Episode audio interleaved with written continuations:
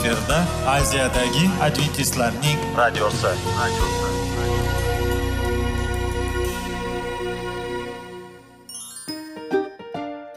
Assalomu alaykum aziz radio tinglovchilar.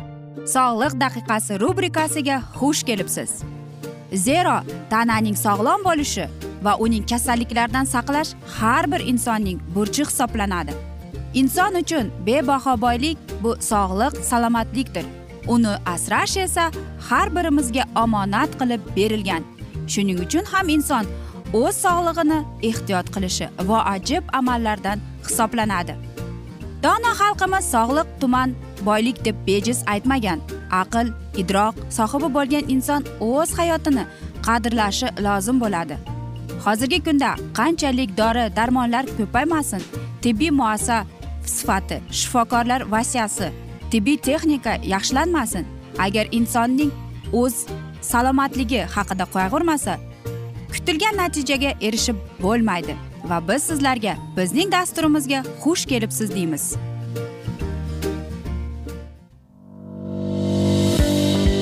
Sog'liq daqiqasi soliqning kaliti qiziqarli ma'lumotlar faktlar. Har kuni siz uchun foydali maslahatlar. Sog'liq daqiqasi rubrikasi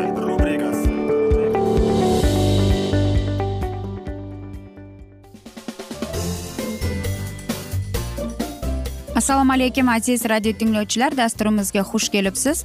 Va biz sizlar bilan besh daqiqa sog'liq uchun deb atalgan dasturda xushvaqt bo'ling deb aytamiz va bugungi bizning dasturimizning mavzusi bu barqarorlik rivoji deb ataladi.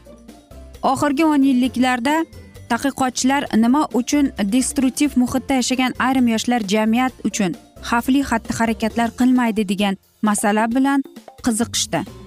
Ular shunday xulosaga kelishdiki bu holat barqarorlik degan termin bilan ataladigan hayotiy pozitsiya bilan bog'langan ekan.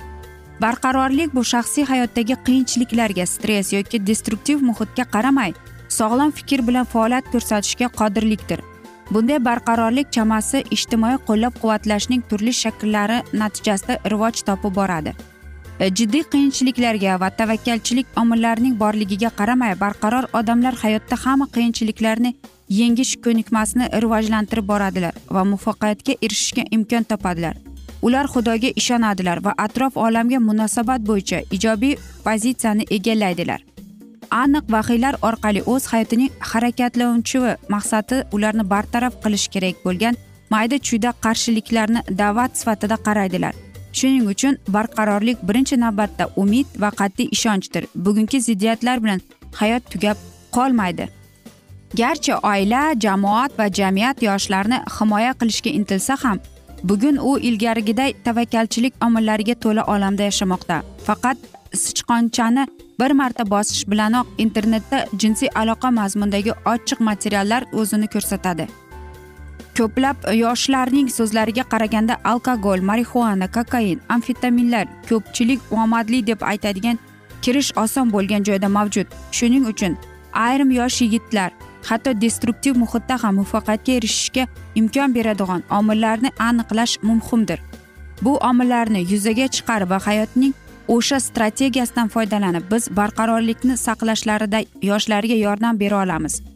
Bugungi kunda barqarorlikni tushunish juda qiyin. Agar biz oilada va jamiyatda ideal muhitni yaratmas ekanmiz ko'chalarni giyohvand moddalarni televideniyani filmlarni va video o'yinlarni zo'ravonlikdan tozalamas ekanmiz. Internetdan zararli materiallarni olib tashlamas ekanmiz. Qanday qilib ana shu omillar ostida o'sib kelayotgan bolalar sog'lom bo'lib qolishlariga hayotda muvaffaqiyatga erishishlariga yordam bera olamiz? Yoshlar barqaror bo'lishlariga yordam berish uchun jamoatimiz yoki jamiyatimiz shaxsan o'zimiz nima qila olamiz? Mana shularni yodimizda tutishimiz kerak. Barqarorlik anglash va qo'llab quvvatlashga asoslangan munosabatlar natijasi hisoblanadi. Bundan tashqari barqaror yoshlar olamga ijobiy qarashlarni o'zlarining ishonchidan hosil qiladi. Yoshlarda barqarorlikni shakllantirishga kalit ular qadrlaydigan samimiy va mustahkam munosabatlar hisoblanadi. Kattalar yoki ustozlar jumladan ota onalar o'qituvchilar jamoat xizmatchilari mas'ul katta yoshdagi odamlar ularning qo'llab quvvatlashga tayyorgarligi barqarorlikni rivoj topishtirishda juda muhim. G'amxo'rlikni iliqlikni sevgini namoyon qiladigan odamlar bilan munosabatlar yoshlarda shunday ishonch hislarini paydo qiladiki bu hissiyotlar ta'siri ostida ular hayotini qanchalar buzib tashlaydigan bo'lmasin. Hamma zarbalarni bartaraf qila oladilar. Bunday munosabatlar yoshlarda o'zini hurmat qilishni uyg'otadi buning natijasida ular qiyinchiliklarni muvaffaqiyatli hal qilishga imkoniyat yaratadilar. Bir tadqiqot shuni ko'rsatdiki hamma barqaror yoshlarda kamida bitta odam bo'ladi va ular o'sha odamni so'zsiz qabul qiladilar deydi.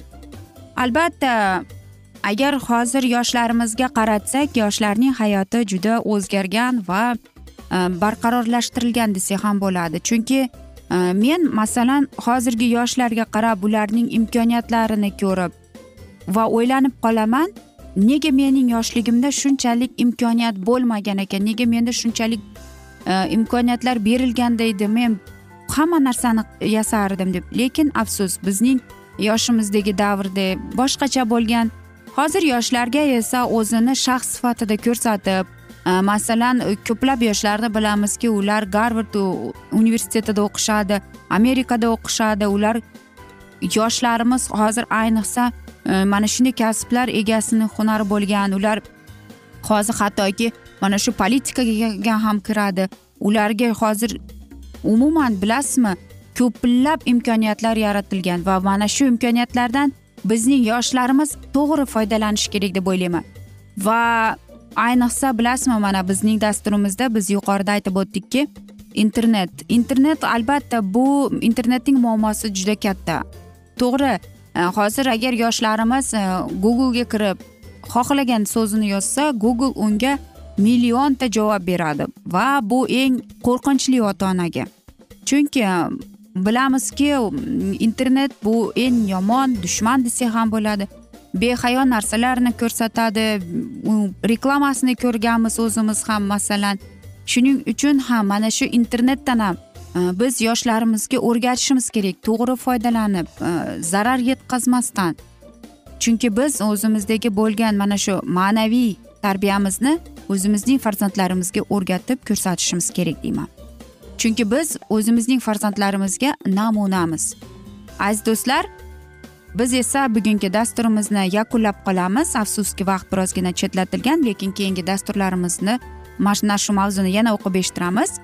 Va o'ylaymanki sizlarda savollar tug'ilgan. Agar shunday bo'lsa biz sizlarni salomat klub internet saytimizga taklif qilib qolamiz yoki whatsapp raqamimizga yozsangiz bo'ladi. Plyus bir uch yuz bir yetti yuz oltmish oltmish yetmish. Yana bir bor qaytarib o'taman. Plyus bir uch yuz bir yetti yuz oltmish oltmish yetmish. Men umid qilaman bizni tark etmaysiz deb chunki oldinda bundanda qiziq va foydali dasturlar kutib kelmoqda deymiz aziz do'stlar. Sizlarga va oilangizga sog'lik salomatlik tilab o'zingizni va yaqinlaringizni ehtiyot qiling deb xayrlashib qolamiz.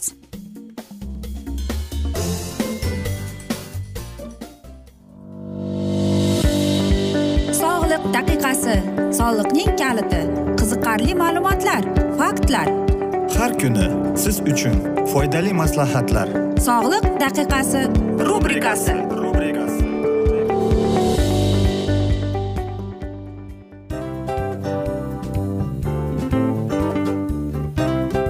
Mana ha hayotda hamma narsaning yaxshi narsalar tugaydi va yakunlaydi degandek bizning dasturimizga ham yakun keldi. O'ylaymanki bizning dasturimiz sizga foydali bo'ldi deb aziz radio tinglovchimiz. Va siz o'zingiz uchun kerakli xulosalar kerakli maslahatlar olib oldingiz. Aziz radio tinglovchimiz biz bilan qoling va keyingi dasturlarimiz albatta undanda qiziqroq bo'ladi. Mana shu alfozda sizlar bilan xayrlashib qolaman.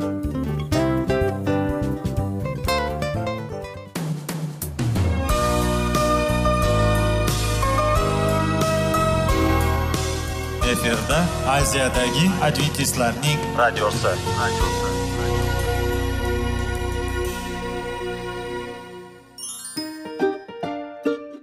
Assalomu alaykum aziz radio tinglovchilarimiz. Dil izhori dasturimizga xush kelibsiz. Pul insonni baxtli qiladimi? Albatta yo'q. Sog'liqchi? Albatta bo'lishi mumkindir. Lekin olimlar shuni isbotlashdiki to'liq va mukammal munosabatlar insonlarni baxtli qilar ekan. Albatta biz hayot davomida biz yaqin insonlar bilan odamlar bilan aloqada bo'lamiz va ular bilan munosabatlarimiz qanday kechadi qanday tuziladi?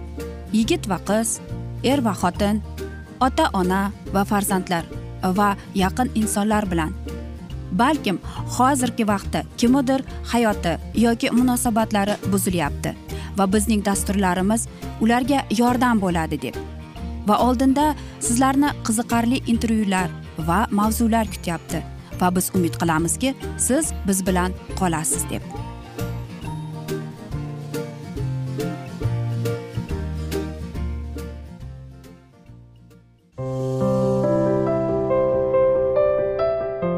Kuni har xil kasbdagi odamlar bilan sirlashish va bo'lishish sevgi rashq munosabat bularni hammasi dil izhori rubrikasida.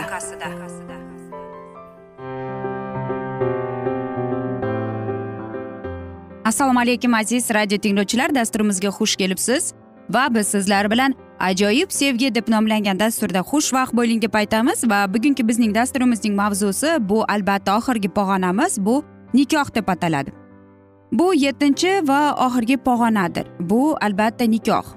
Albatta balkim sizni bu narsa hayratlar solar. Lekin e, bu aytaylikki nikoh haqida siz e, logik tomondan o'ylamasligingiz kerak. E, bu narsa nikoh nimadan kelib chiqadi aziz do'stlar? Nikoh avvalambor sevgi hurmat do'st va albatta bilasizmi e, bu narsalar aynan nikohning mustahkamligiga bo'ladigan pog'onasidir. Shuning uchun e, bu oxirgi pog'ona bu e, nikoh ikki insonning to'liq va mas'uliyatli tanlovidir.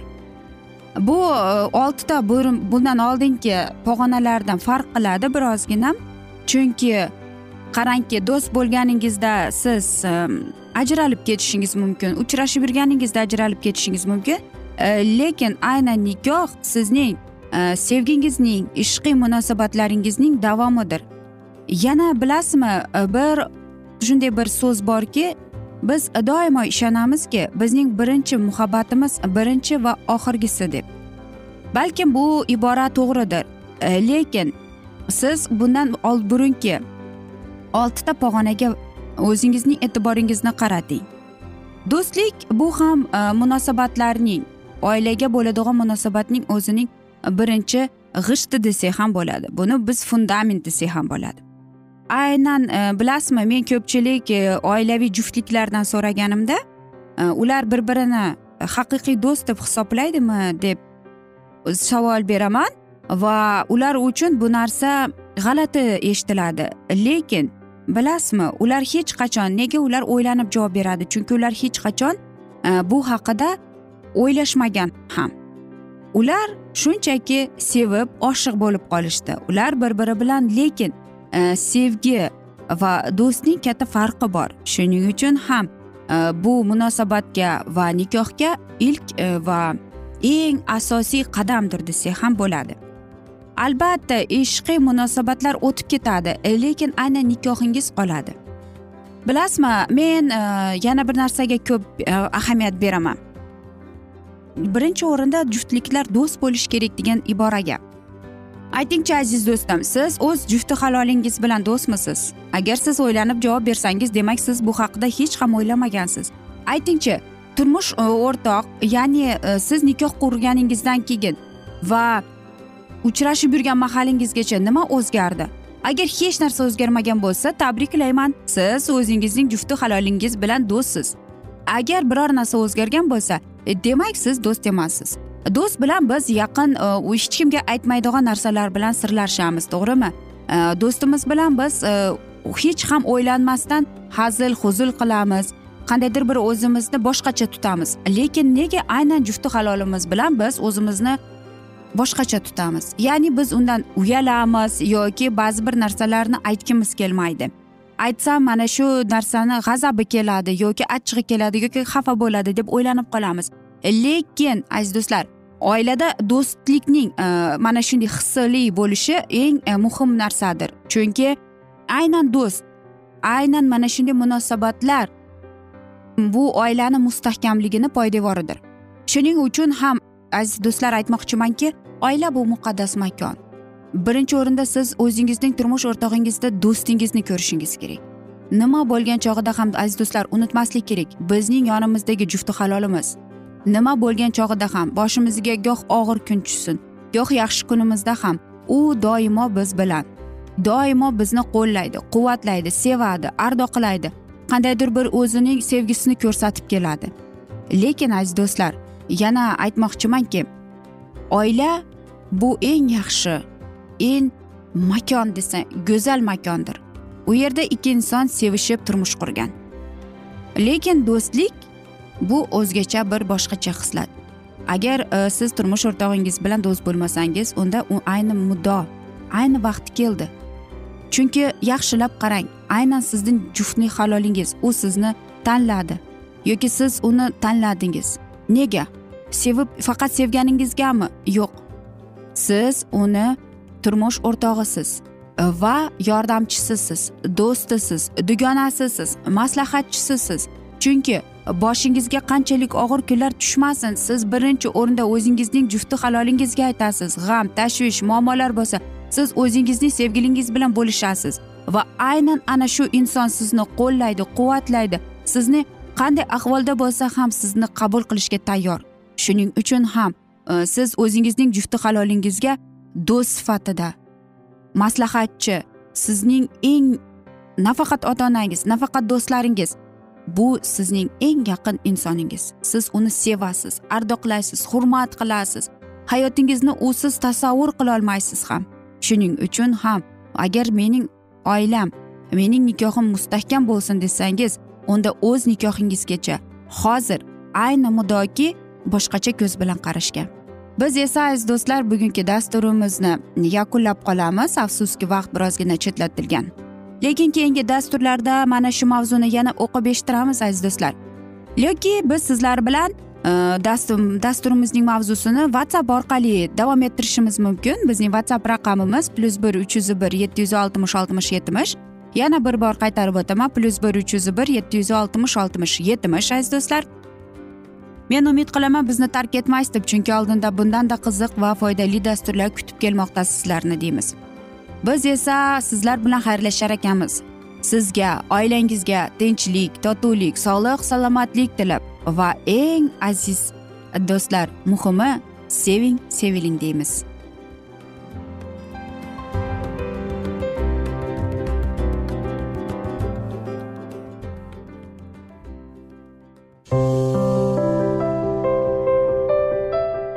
Har kuni har xil kasbdagi odamlar bilan sirlashish va bo'lishish sevgi rashq munosabat bularni hammasi dil izhori rubrikasida. Mana aziz radio tinglovchimiz bizning go'zal va foydali va chiroyli dasturimiz yakunlanib bormoqda. Sizlarga birozgina maslahat berib o'tmoqchi edik. Bir biringizni seving. Qadringizga yeting. Va erkalang albatta bir biringizni va sizga judayam chiroyli va mustahkam munosabatlar tilab qolamiz albatta. Sevgilingiz doimo yoningizda bo'lsin. Mana shu borada sizlar bilan xayrlashib qolamiz. Xayr.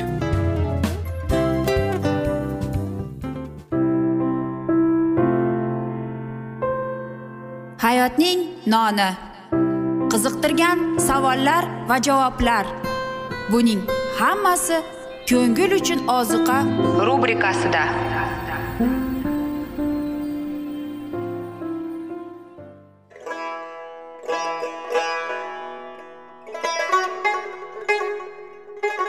Assalomu alaykum aziz radio tinglovchilarimiz.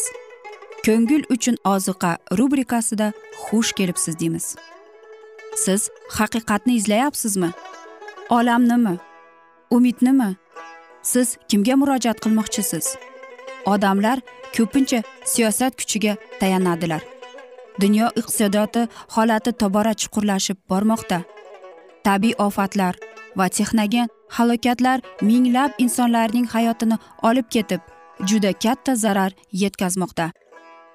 Sizga abadiy hayot inomini hadya qiluvchi va hayotingizni tubdan o'zgartiruvchi haqiqatni izlab toping.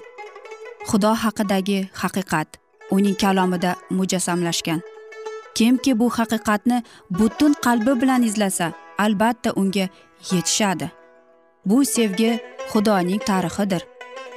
Hayotingizda yoki sizning yon atrofingizdagi olamda nimalar yuz berishidan qat'iy nazar? Siz ertagi kunga buyuk umid va ishonch hosil qilishingiz mumkin. Hozirda xudo sizga taklif qilayotgan umid ishonchga o'z qalbingizni oching va sizni qiziqtirayotgan mavzularni savollaringizga javoblaringizni topib olasiz deb umid qilamiz. Biz bilan qoling.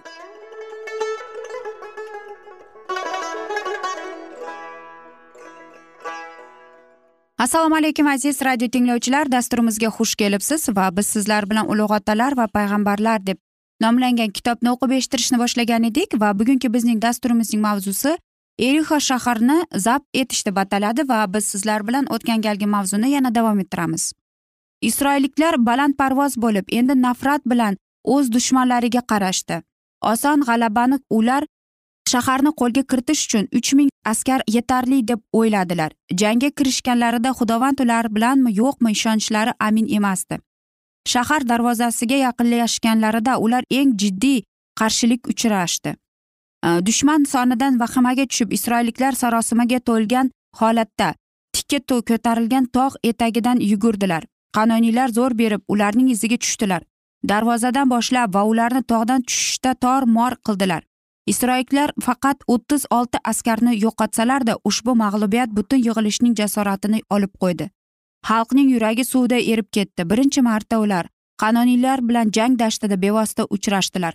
Agar ushbu kichkina shaharning yashovchilari ularni qochishga majbur qilgan bo'lsalar katta jang boshlanganida ular nima qila olishardi?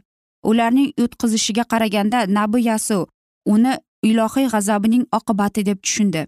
Mushhul ahvolga tushib zulmatli hislarda o'z kiyimlarini yirtdi va xudovandning sandig'i oldida yerga yuz tuban tushdi va u isroil oqsoqollari kechgacha yotishdi va boshlariga qo'l sepishdi.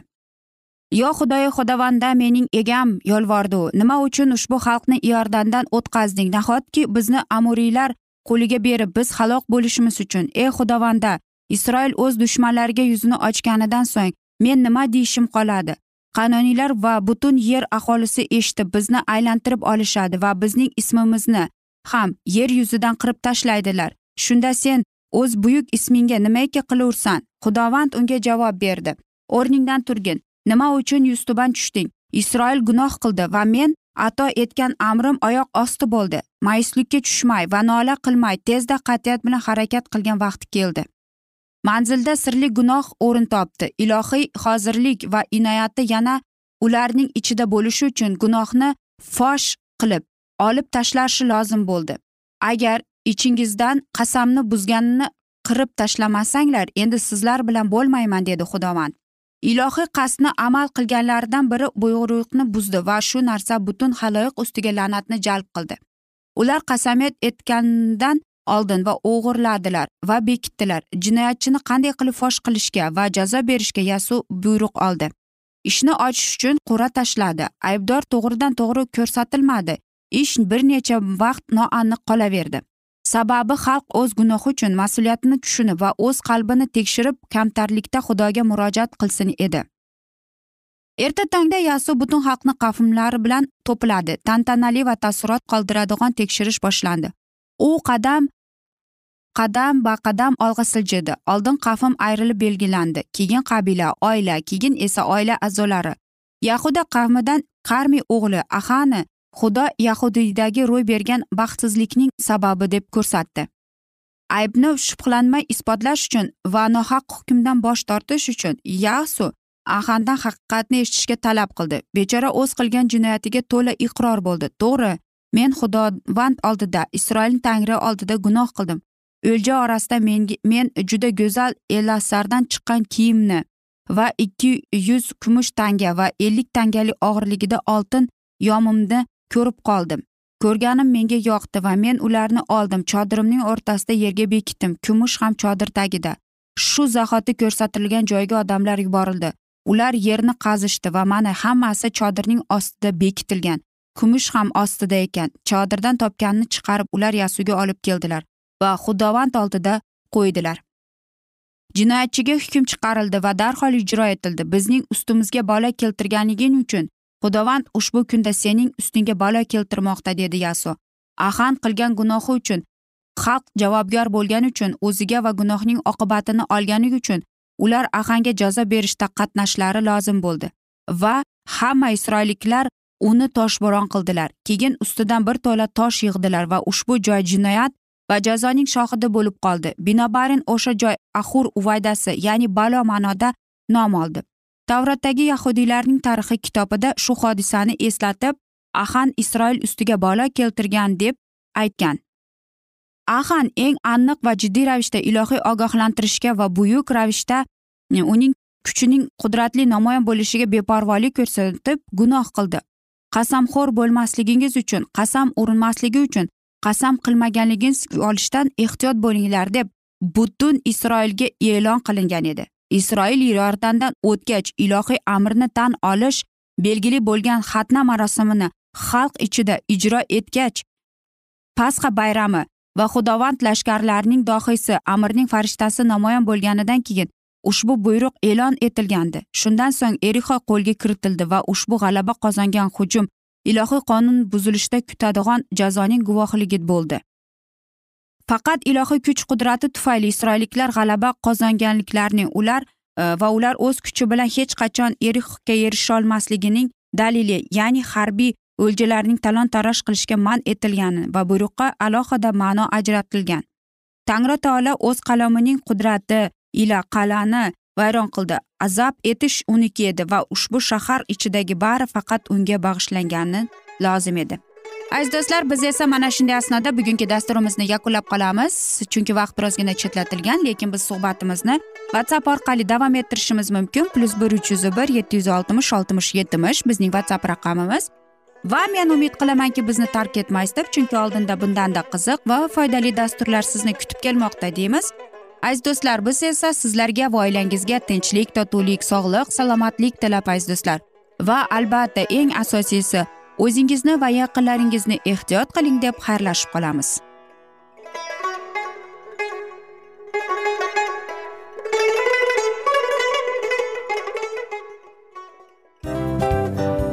Hamma narsaning yakuni bo'ladi degandek afsuski bizning ham dasturlarimiz yakunlanib qolyapti. Va biz o'ylaymizki bizning dasturimizdan o'zingiz uchun kerakli va foydali maslahatlar olib oldingiz. Sog'liq borasida sizga foydali maslahat berganmiz deb umid qilaman albatta. Va sizlarga mana shu borada sog'liq tilab qolaman. Munosabatlarga kelganda esa sizlarga sevgi omad va albatta yaxshi munosabatlar tilab qolamiz. Uchinchisiga kelganda esa bu juda chuqur va e'tiborli nazarni qumsaydi. Va sizlarga mana shu yaxshilik kayfiyatda sizni kayfiyatingizni ko'targan holda sizlar bilan xayrlashib qolaman afsuski. Ammo lekin keyingi dasturlarimiz undanda qiziq bo'ladi. Va siz biz bilan bo'ling. Bizni tanlaganingiz uchun sizlarga rahmat. Omad sizlarga. Xayr.